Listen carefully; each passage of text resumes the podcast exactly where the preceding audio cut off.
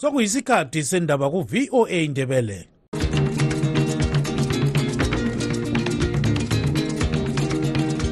amatshono zihlobo siyalamukela kuhlelo lwethu lwezindaba eziphathelane lezimbabwe kustudio 7 eya voice of america sisakaza sisewashington dc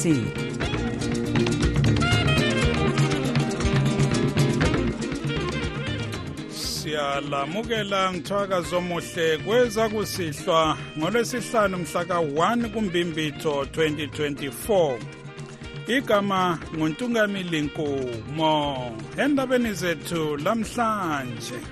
Okwenzakeleyo kakujwayelekanga ezimbabwe. Kujwayeleke ukuthi sikuzwe kukhulunywa ngakho kwamanye amazwe ukuthi uzwe kuthiwa kulamabhomu atholakalayo lapha lalaphana kumbe kusethuselwa ngokuthi kungaba lamabhomu umongameli emasoni mnangagwa namuhla wehluleke ukuya emhlanganweni obuqhutshelwa evictoria falls ngemva kokuxwayiswa ukuthi bekulamabhomba athiywe ezilindweni zendizamtshina ezigoqela esevictoria falls international airport. Kweliqiniso njalo kuqakathekile ukuthi sidile le issue ye-foreign currency exchange rate on the market le-economy ezimbabwe eh ifocus yabo ngiyayibona yabo 10 percent kodwa le kukhathazeka ukuthi uvele ngaphi u-10 percent. Ibhanga elikhulu lomhlaba ele-world bank lithi umnotho wezimbabwe ulakho ukuthuthuka ngesilinganiso sokulichumi ekhulwini i-10% ngomnyaka alubana uhulumende engalandela izixwayiso aguqule indlela asebenza ngayo. Umnumzana donald trump usethole amavoti edlula ikhulu 122 delegates kuthi ancintisana laye unkosikazi nikki haley. Yena usela ngamachumi amabili lane 24 delegates. Kuma-primaries okudinga uzamela ibandla lama-republicans kukhetho lukamongameli wemelika lonyaka zonke lezi ndaba lezinye ziyalandela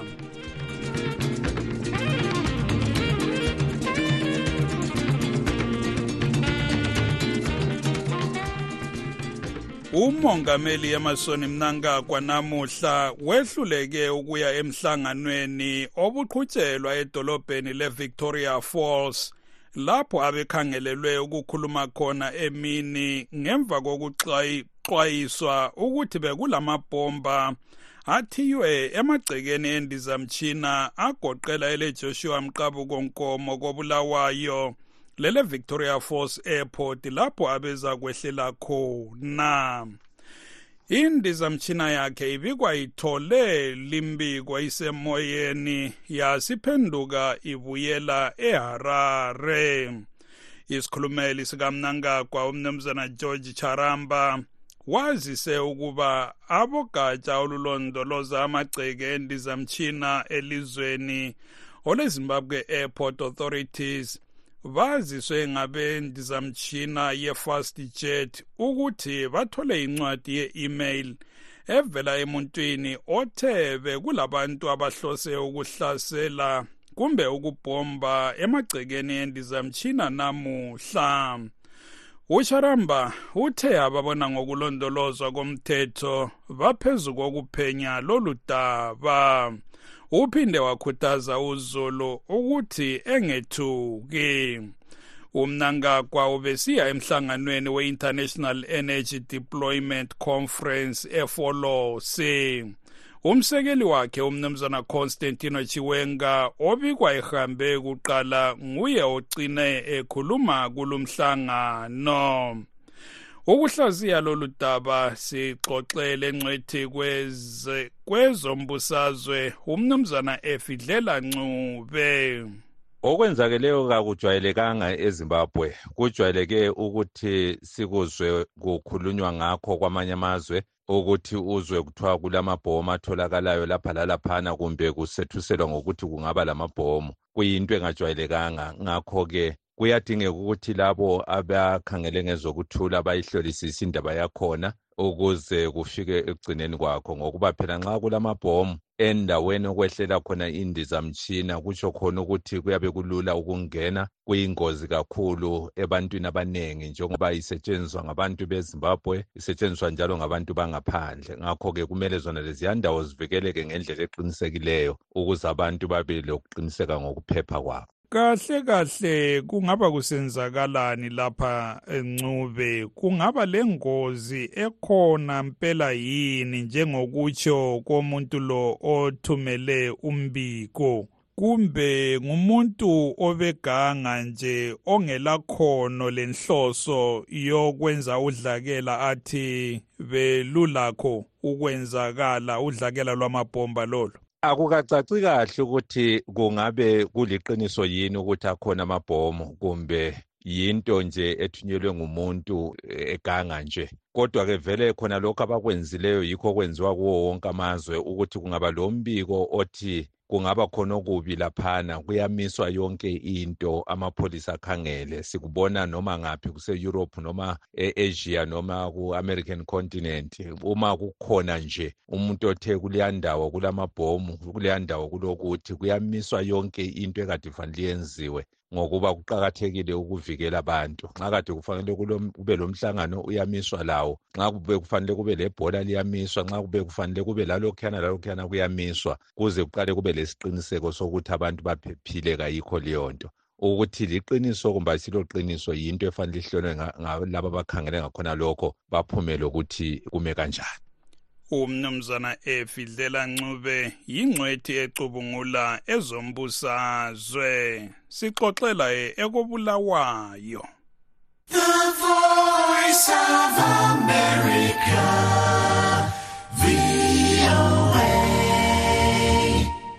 embikweni eliwethule namuhla ibhanga elikhulu lomhlaba ele-world bank lazise ukuthi umnotho wezimbabwe ulakho ukudlondlobala ukhule ngesilinganiso sokulichumi ekhulwini i-10% ngomnyaka. Eminyakeni elichumi elandelayo nxa uhulumende engalandela izixwayiso njalo aguqule indlela aqhuba ngayo umsebenzi. Kodwa leli bhanga lithi uhulumende enga nxa engaguqulanga kodwa leli bhanga lithi uhulumende nxa engasaguqulanga izenzo zakhe umnotho welizwe uzaqhubeka ubhidlika. Ngesilinganiso sokuthathu ekhulwini i-3% ngomnyaka. I-world bank ithi uhulumende kumele aguqule indlela aqhuba ngayo imisebenzi egoqela eyokwemba amatshe aligugu i-mining. Alungise imigwaqo ukuze ahuge izethekeli njalo aqinise inhlelo zokulima ukuze ilizwe limelane lokuguquka komkhathi osokudale indlala emangalisayo.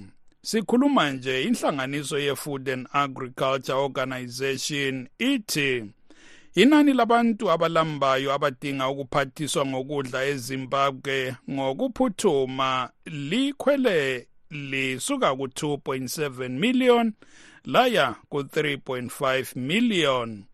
I-world bank ithi njalo elezimbabwe yilo elilentengo yokudla edula kakhulu ukwedlula amazwe wonke ase-afrika.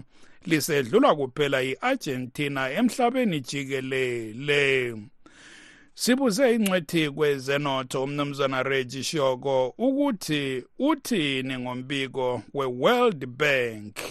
Kweliqiniso njalo kuqakathekile ukuthi sidile le issue ye-foreign currency exchange rate on the market le-economy ezimbabwe eh ifocus yabo ngiyayibona yabo 10 percent kodwa le kukhathazeka ukuthi uvele ngaphi u-10 percent bamthole njani ngoba asingeke sithi into ezingu-five abaziqambileyo. Zingacontributa 2 percent 2 percent equally to an growth at 10 percent every year. Although siyavumelana labo ukuthi if we correct that we will have definitely an economic growth ezimbabwe very positive ngoba economy zazikasa ukusebenza kustrive ungakhayela kwezokulima uh, we have challenges like now. Izimbabwe is an agro driven economy Uh, now it will have serious pressures given the fact of the drought. Farmers will not be able to pay back their loans. They will not be able to pay to, to go back into the field next year. They will need to be helped. And some of these mitigation effects eh, eziyabe zenziwe nguhulumende ukubanceda ukuthi babuyele yizo zikhoza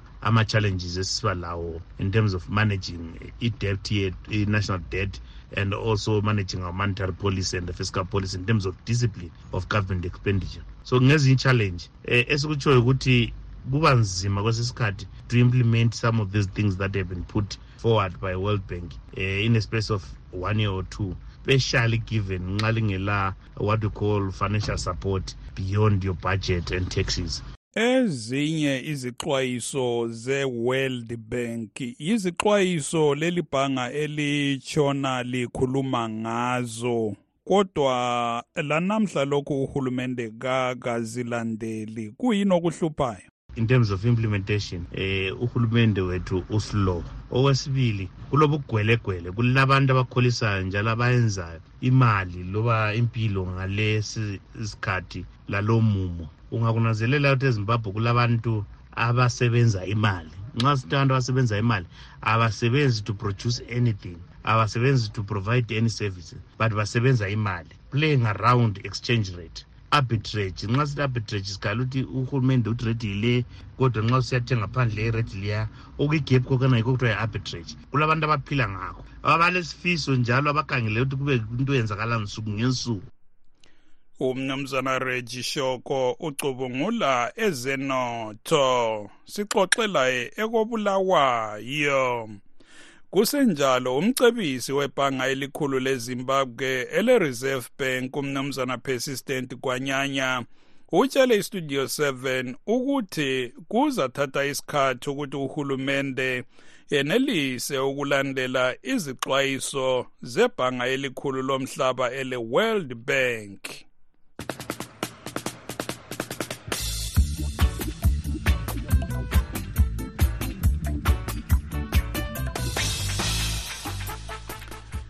Elinye lamacele awebandla lemthwakazi republic party lithi selilobele amapholisa liwazisa ngokuthi lifuna ukutshengisela ngokuthula ngeviki ezayo phezu kodaba lokuthi inkokheli yomdabu kube yiyo ekhokhela uhlelo lokuxoxisana ngombhuqazwe wegugurawundi.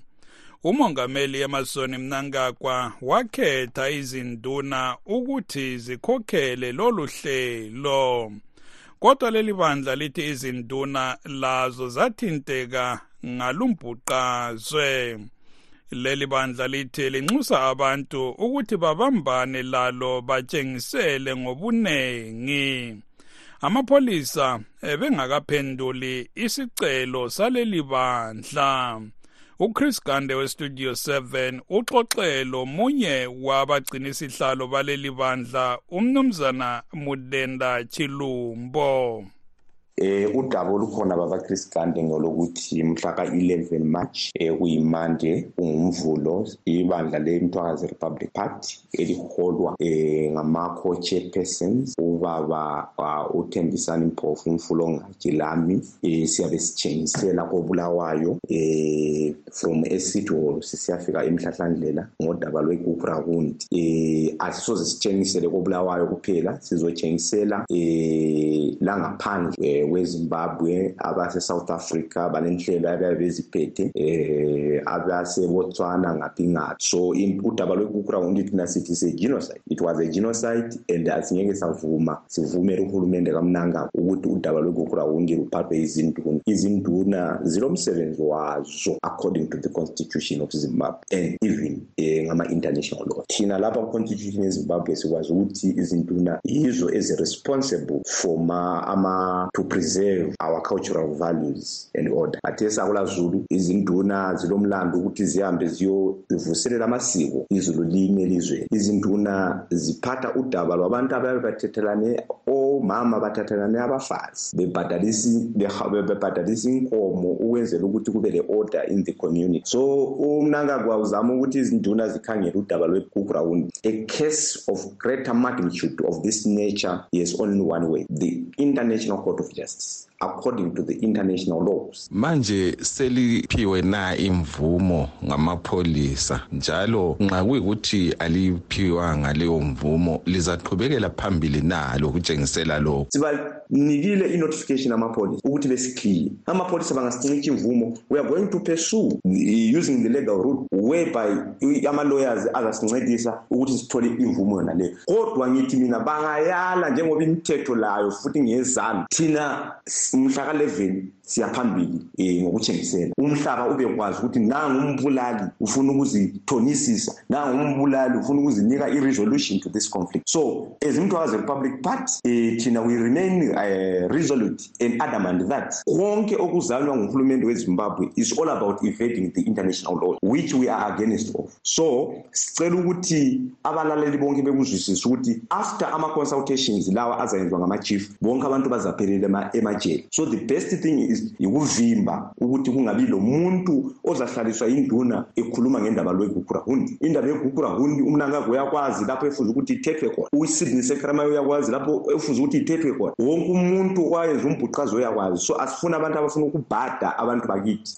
Thina sithi never never never never shall this issue be heeded by traditional leaders. Abahambe beyokhulekela izulu line. Lolu daba ngele it was a politically it was politically eh, motivated so ama-chief bengangeni endabeni yona le. So ngithi balaleli umbhuqazwe igugurahundi was a genocide and akula muntu ofuze ukuthi ezithonisise ebulela umuntu. Umnumzana mudenda chilumbo ngomunye wabagcinisihlalo bebandla lemthwakazi republic party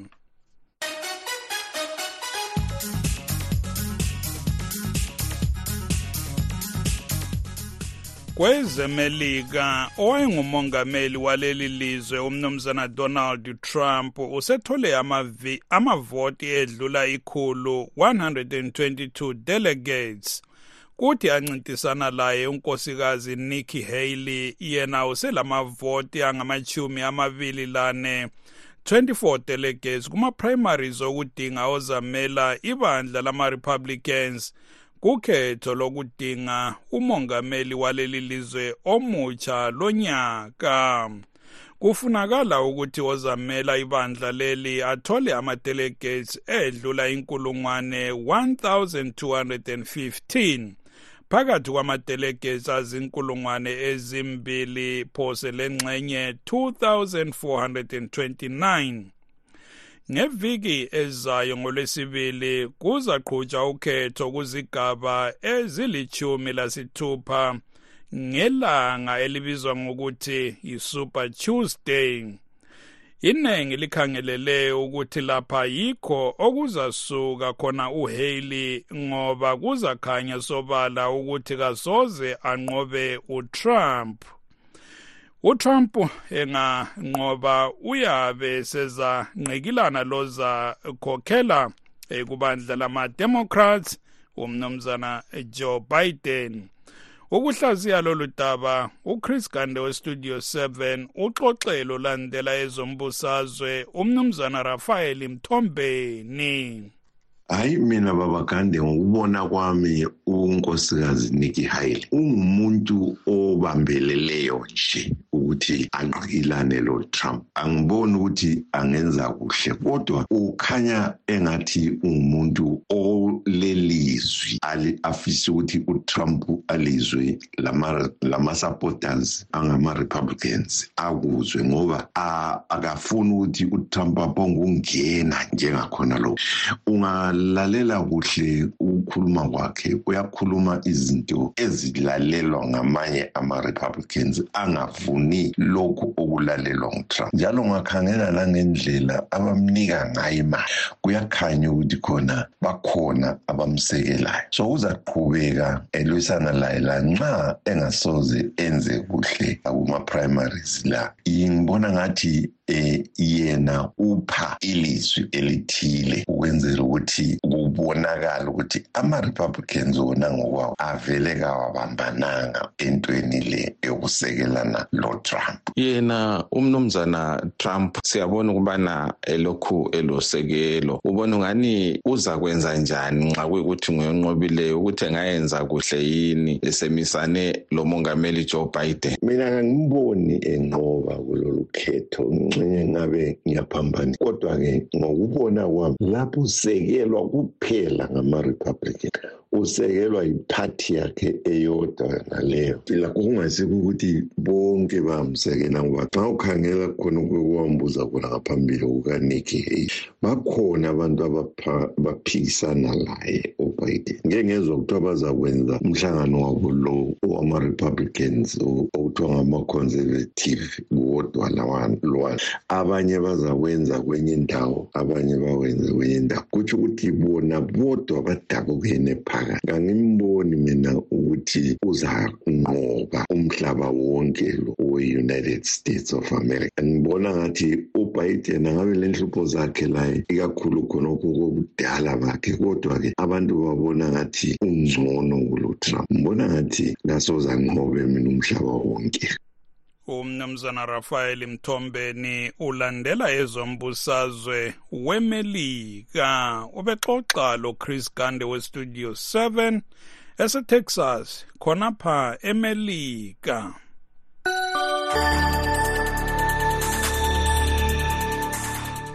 Imbiko elandelayo iveza imbono kahulumende wemelika.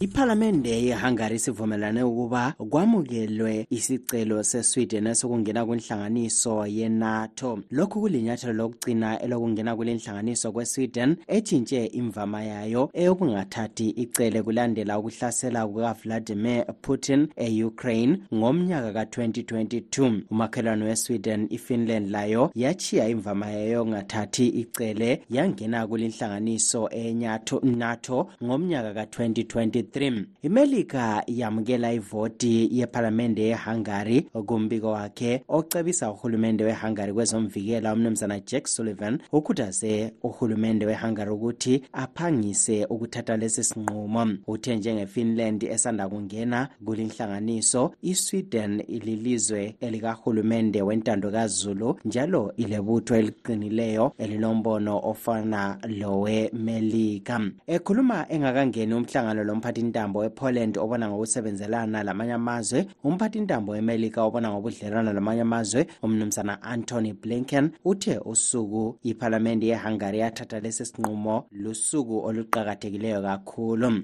Uthe ukungena kwesweden kulinhlanganiso kuveza njalo udubo uputin aludalele ilizwe lakhe elerussia. Ubudlelwano bamazwe enato obuqinileyo njalo obuyabukhula kulandela ukungena kwefinland lesweden ukubambana kwabantu be-ukraine bephikisana lerussia lakho konke okwenziwe nguputin kusukisela ngomnyaka ka-2014 kanye lamazwe e-europe ame le-ukraine ngalesi sikhathi ihlaselwa yirussia kanye lomsebenzi esiwenzayo. Sonke ukwenzela ukuthi i-ukraine yenelise ukuma iqine kwezebutho kwezenotho kanye lakwezombusazwe okweminyaka eminengi ezayo kuzaletha impumelelo. Sikubona kuqhubekela phambili kusenzakala ukuthi umnumzana putin wenza konke ayesithi bezama ukwekela.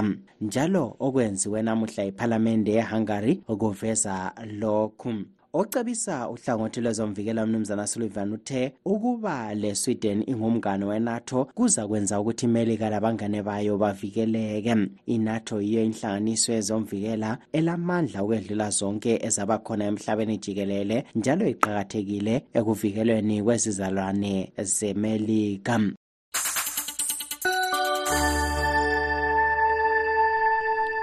Lawo bekungamazwi aveza imbono kahulumende wemelika. Ithi woza woza Friday my darling. Woza Friday umsebenzi ubhokile kuhlelo woza friday liviki sihamba lomculi we-afrofusion ubutho lezwentini yena ocula ekobulawayo. Nangu exoxalo ezra chisa spanda Belukuzazisa, belukuzazisa, igama ubutho, uyazibonela ngilalutho, isinwa luthando, nami ngiyalufuna lolu thando lwentombenyama, thando. ubutho lezwe uzelwe ngo-1994 eluveve kobulawayo wahlala ekhaya e-irisville. Wabuya njalo kobulawayo ezongena esikolo. Ngafunda e-rose camp ngaqeda ngafunda e-st columbus ngafunda ebhasi eh ngakhula kunjalo ngikhulela eThorn Grove ngikhuliswe ngumama umama omdala kodwa nguye umama vele ngimaziyo umama wami washona ngo-2003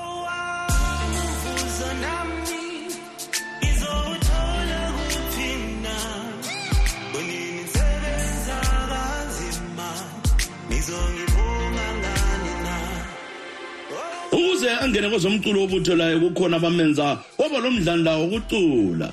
Ngumculi wase-south africa ocula nje yona le abayibiza nge-afro soul eh nguye wangi-inspireyo kakhulu.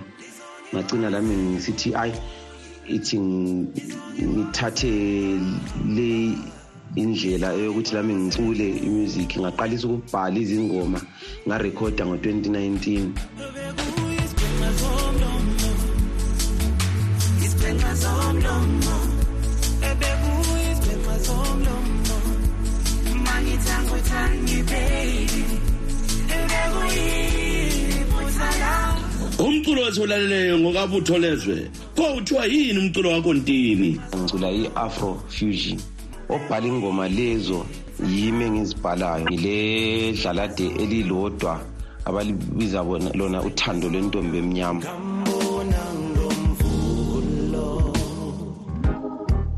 Lange sayangan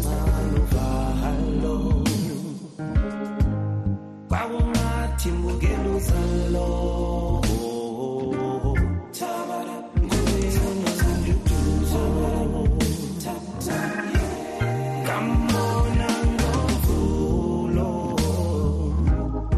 Singakavali uhlelo akutshele abalaleli ukuthi umculo wakho bengawuthola ngani njalo bangaxhumana lawe ngaphi? Umculo wami utholakala kuma-digital platforms wonke. I-facebook page ngobutho lezwe ongalandelwa yilutho. Then i-facebook account ngobutho lezwe ntini yiyo active izikhathi eziningi.